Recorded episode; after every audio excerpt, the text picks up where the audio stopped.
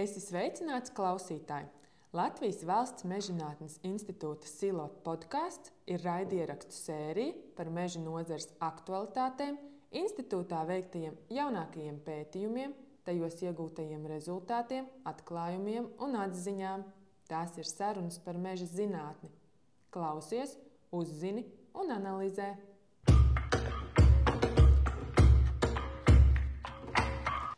Šajā epizodē iepazīsimies ar Eiropas klimata pakta vēstnieci Latvijā un manu kolēģi Daigu Zuti. Prieks tevi satikt, Daiga! Sveiki! 2022. gadā tu pieteicies Eiropas komisijas izsludinātajā konkursā un kļuvi par Eiropas klimata pakta vēstnieci Latvijā. Zinu, ka ieguldītais darbs ir augstu novērtēts. Pastāsti, lūdzu, kas vispār ir klimata pakts?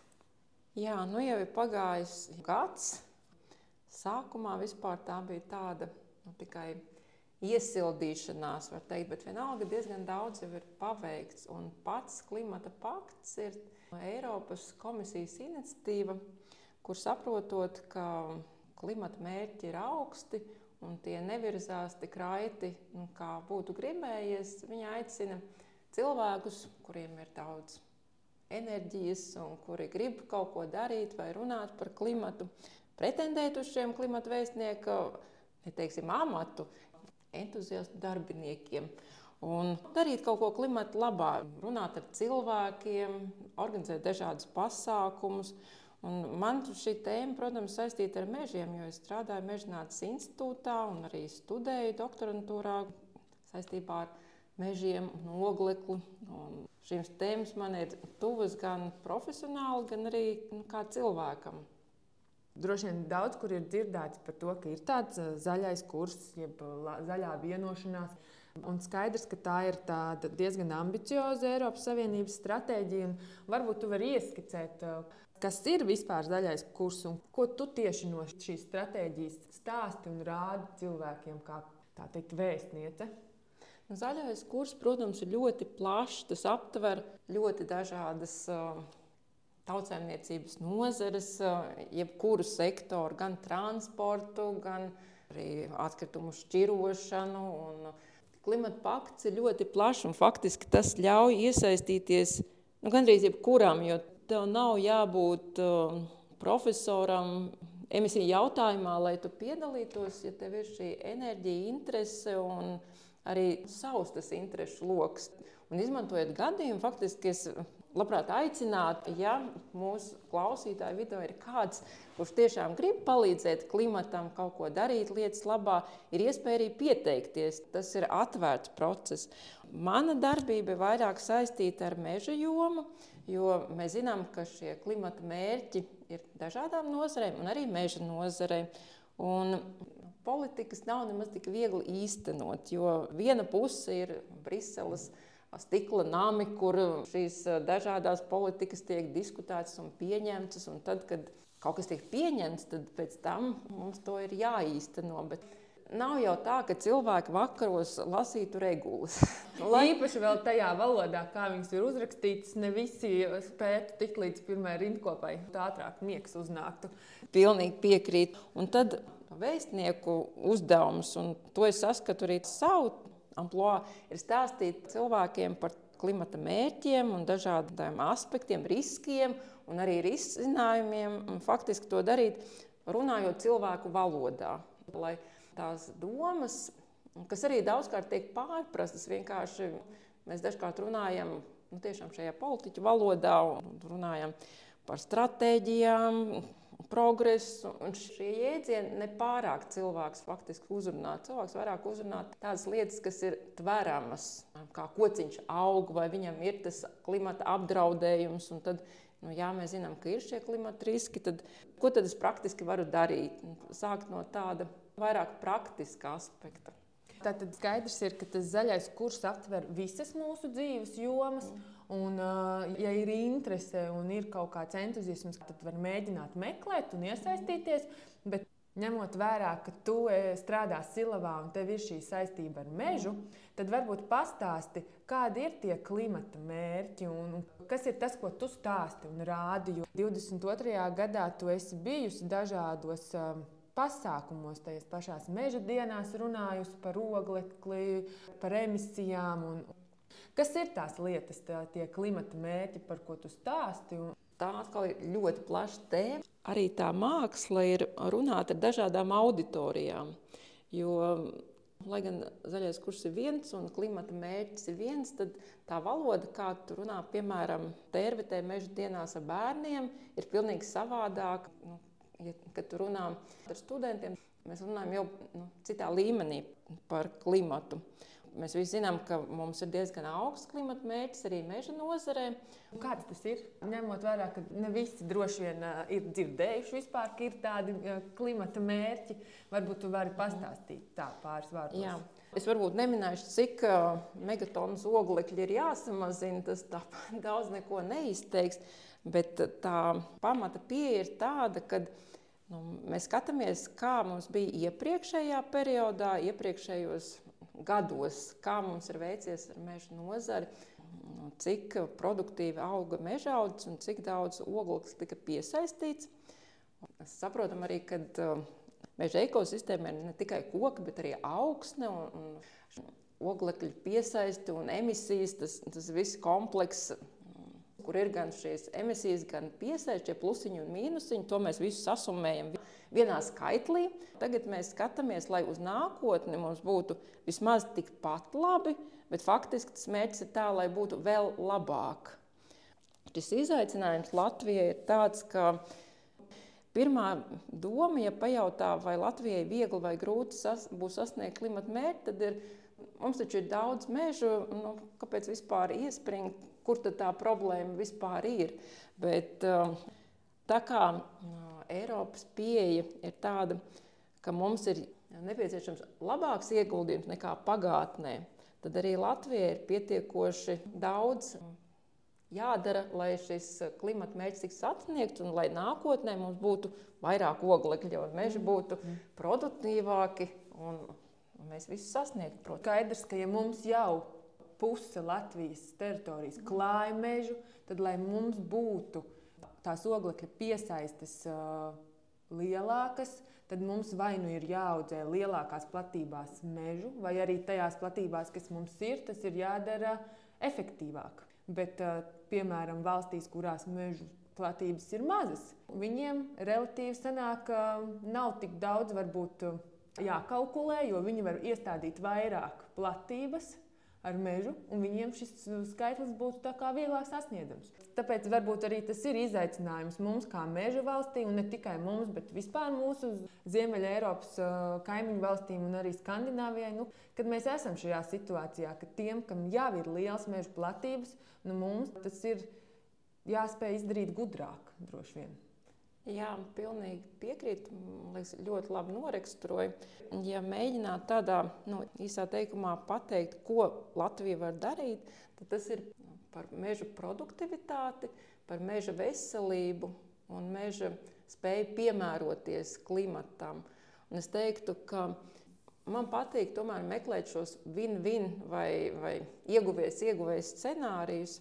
Un šī klimata kontekstā tāds būtu produktīva meža audze ir tāda, kas arī vairāk piesaista CO2 oglekli. Un tas nozīmē, ja mēs spējam panākt to, ka mūsu meži ir ražīgāki, tas mums dod gan šo klimata ieguldījumu, jo ražīgāks mežs viņš nenokaltīs, nenolūzīs, nebūs šie dabiskie traucējumi un nezudīs um, uzkrātais ogleklis. Un tāpat no otras puses, ja ir ražīgāks mežs, ar laiku tas būs arī peļņas avots stabilāks meža īpašniekiem. Tur tad ir tas win-win iegūms, iegūms uh, scenārijs. Tāpēc arī ir labi, ka ir kāds, kas iet un runā. Un tāpēc varbūt pastāsti, kur tad uh, šajā 22. gadā tu esi viesojusies un, uh, un varbūt kādi bija tādi interesantākie notikumi, gan atziņas par, par visu šo.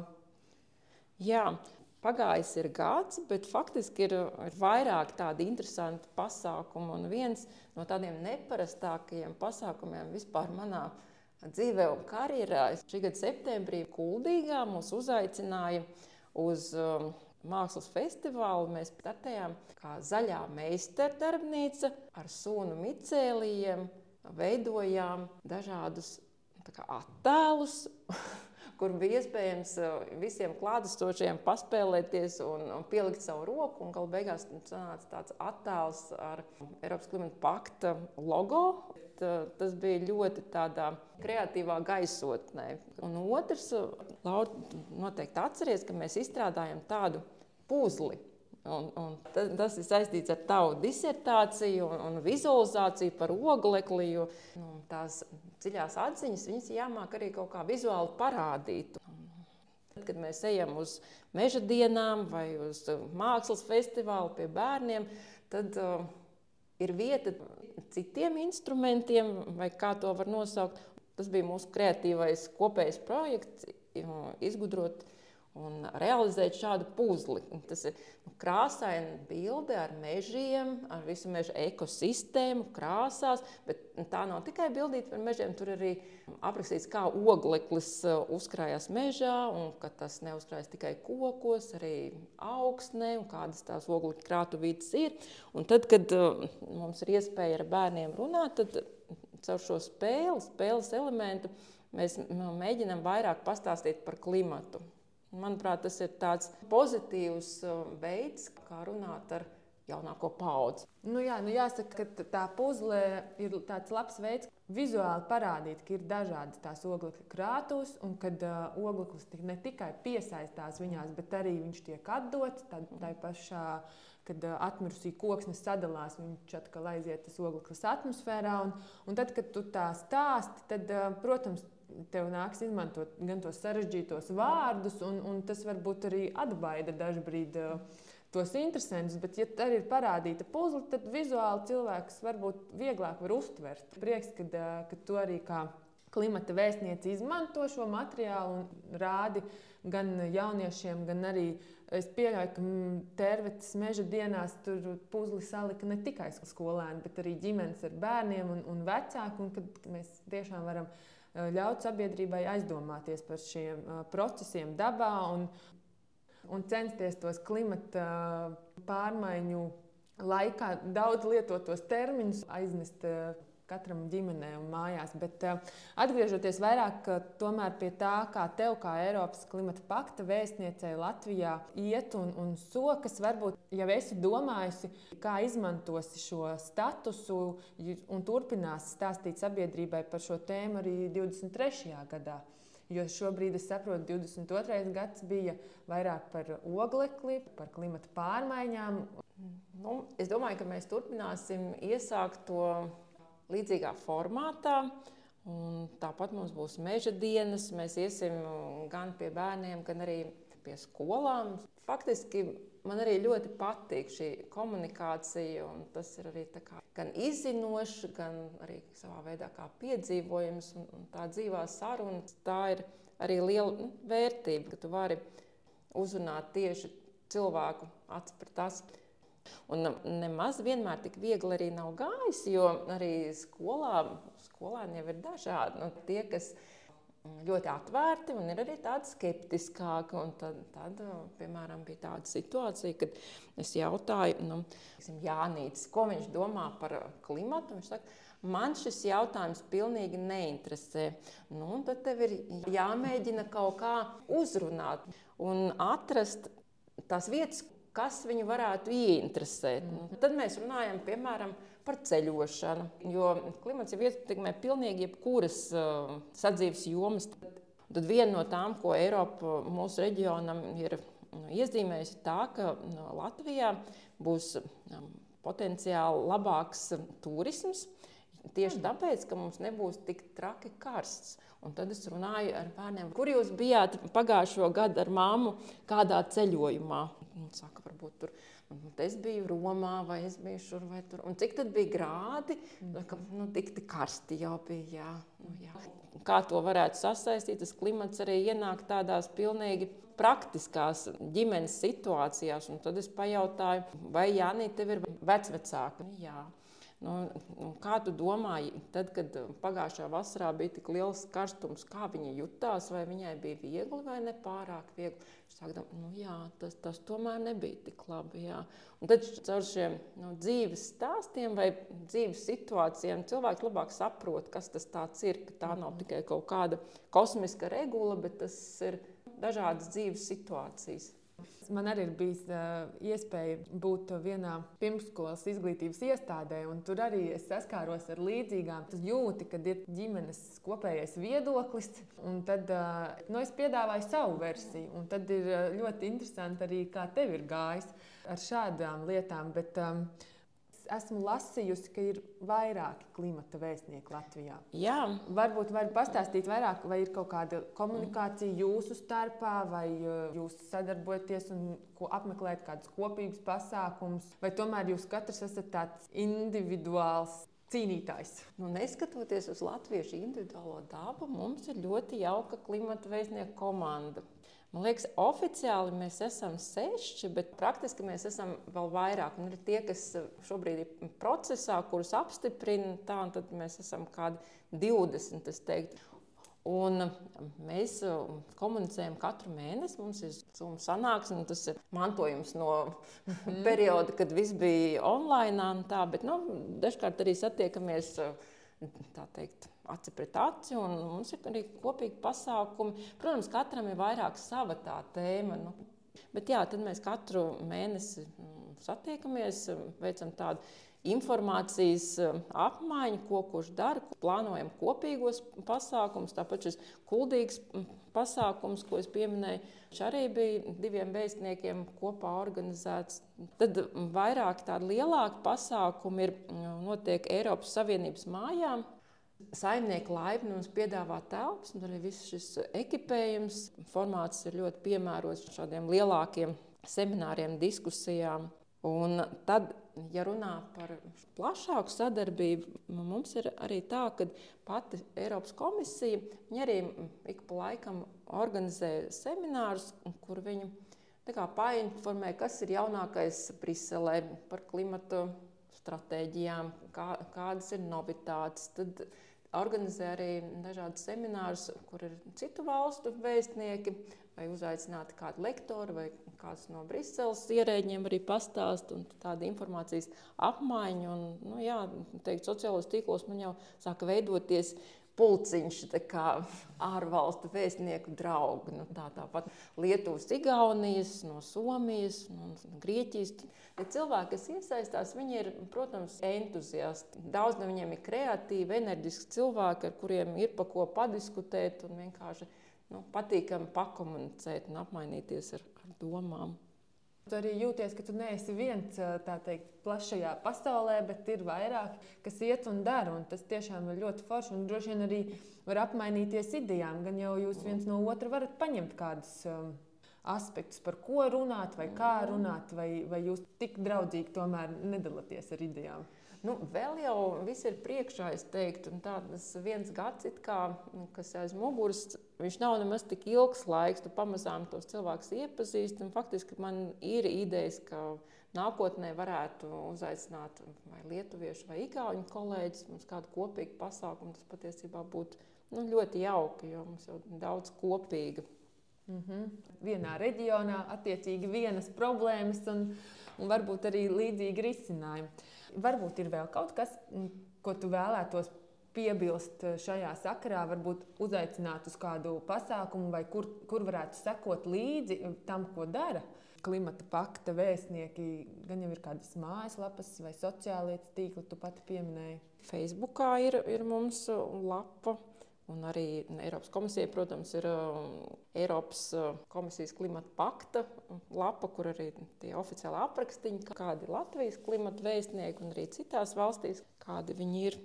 Saites saliksim mm. zem podkāsta, lai tiem, kam mm. ir interese, var pasakot līdzi gan to, kā tev veicas, gan arī to, kā veicas citiem. Un ir tiešām forši, ka arī no Mežģinātnes institūta Silava ir kāds vēstnieks, kas iet un mēģina runāt par tām lietām, arī, ko mēs šeit darām.